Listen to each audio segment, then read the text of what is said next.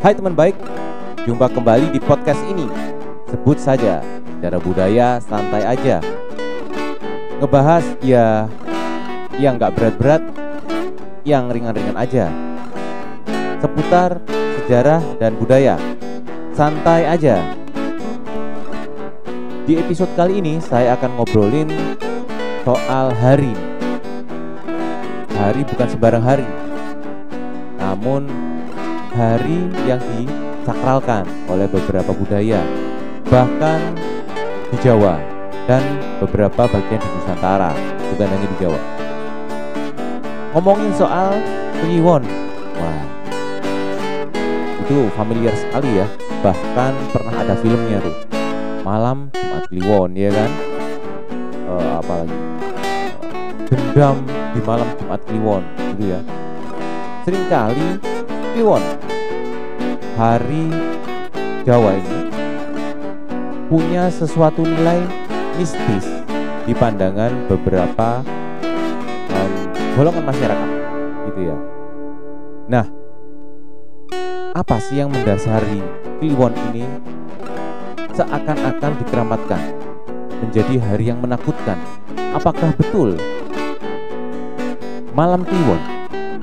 Wah, kayak nama podcast kesukaan saya ini Apakah betul Jumat Kliwon, Selasa Kliwon, dan segala macamnya itu memang ada hubungannya dengan makhluk gaib? Nah, saya akan merujuk dari beberapa sumber, tentunya dari penelitian beberapa jurnal yang saya baca. Penelitian secara ilmiah oleh kawan-kawan akademisi yang tentu saja menggunakan metodologi yang standar untuk pengetahuan ilmiah. Kliwon merupakan salah satu hari dari Jawa. Jadi di Jawa hanya dikenal lima hari, yaitu Paing, Pon, Wage, Kliwon, dan Legi. Yang acap kali disebut dengan pasaran. Menurut Guttmolder tahun 1982, Kliwon itu lekat dengan konsep lukat. Lukat yang artinya dilepaskan, dihapuskan, atau dilewatkan, sehingga memperoleh keselamatan dan kesejahteraan.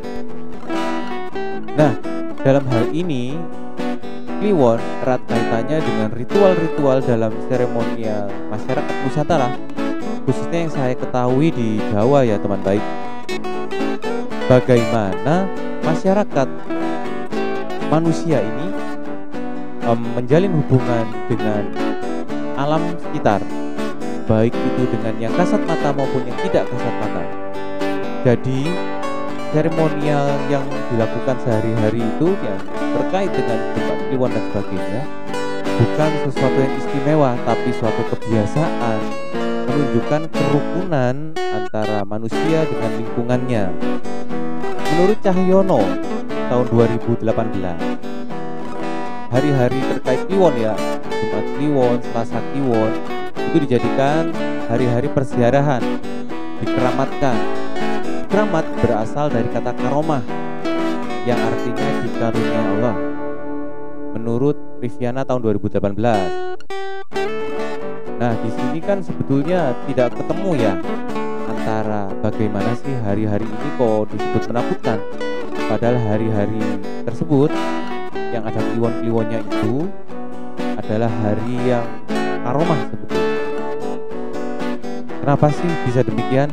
Nah, Cahyono juga menjelaskan di hari-hari tersebut yang terkait dengan kliwon itu menjadi hari di mana masyarakat percaya pada hari-hari tersebut roh-roh halus atau makhluk yang tak kasat mata itu pada keluar teman bayi. Mereka pada mencari makan atau ya kalau cara manusia ya kita mungkin sama seperti malam mingguan gitu kali ya.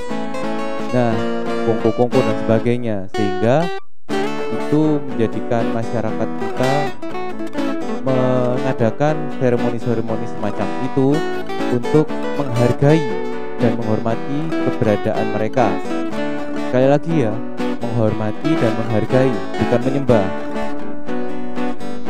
yang bikin keramat atau menakutkan ini dituliskan bahwa seringnya ada persiarahan dan ritual yang memang diadakan pada hari-hari tersebut itu sangat sakral teman baik sehingga tidak sembarangan boleh diganggu nah pada tulisan Cahyono ini persiarahan sering kali dilaksanakan pada hari Selasa Kliwon dan Jumat Kliwon teman baik mengapa? nah ini sudah seperti adat ya seperti yang saya katakan tadi di awal namun kita tidak menafikan teman baik bahwa ada beberapa orang, beberapa manusia itu juga menyalahgunakan. Contohnya bekerja sama dengan makhluk-makhluk astral untuk meminta sesuatu, meminta kekayaan misalnya, meminta bantuan yang lain-lain juga. Sehingga ada perjanjian-perjanjian yang sebaiknya tidak dilakukan teman baik. Nah, Cahyono juga menuliskan bahwa pada malam Jumat Kliwon itu masyarakat Jawa percaya bahwa Kanjeng Ratu Kidul yaitu Ratu Pantai Selatan yang dipercaya sebagai penguasa tunggal, penguasa tertinggi di lautan khususnya di pantai selatan itu mudah untuk diundang atau mudah hadir. Itu yang membuat mereka semua mengadakan ritual seperti ini untuk menghormati beliau karena kelestarian laut tidak lepas dari peran beliau juga. Kira-kira seperti itu teman baik. Nah namun pergeseran-pergeseran itu ya terjadi. Misalnya karena banyaknya roh-roh halus tadi makhluk-makhluk tak kasat mata yang keluar pada malam-malam tersebut dimintai bantuan kekayaan. Dimintai bantuan untuk supaya orang bisa memiliki ilmu-ilmu tertentu dan sebagainya. Sehingga timbullah penyembahan terhadap makhluk yang mestinya tidak boleh kita sembah. Nah, teman baik, ini erat kaitannya dengan mitos ya. Bagaimana malam kliwon itu menjadi horor. Iya teman baik. Mungkin di podcast episode episode selanjutnya saya akan coba menghadirkan hal-hal yang terkait dengan mistis namun tidak menakutkan ya kan selama ini kesannya kalau ada kata-kata jin atau pocong dan sebagainya itu bayangan langsung mengerikan. Nah, saya ingin juga dalam podcast ini bahwa manusia tidak perlu takut dengan makhluk-makhluk seperti itu. Selain daripada ajaran religi masing-masing dari agama kita bahwa mengajarkan manusia adalah makhluk yang mulia. Namun bagaimana kita merubah mindset kita, merubah cara berpikir kita, stigmatisasi kita terhadap makhluk-makhluk tak kasat mata tersebut. Nah, demikian teman baik paparan singkat saya pada kali ini. Semoga nggak takut lagi dengan Kliwon ya. Saya jadi ingat kalau Kliwon ingat film Si Buta dari Gua Hantu. Ingatnya namanya Kliwon. ya. Demikian teman baik kalau ada usulan, ada kritik dan saran, silahkan langsung ke FB saya di Dani Dwi D A N N Y spasi DWI. Kalau ada usulan pembahasan, saya juga wah bersedia banget, senang banget tuh. Ditunggu ya inboxnya. Sampai jumpa. Salam Bineka Tunggal Ika.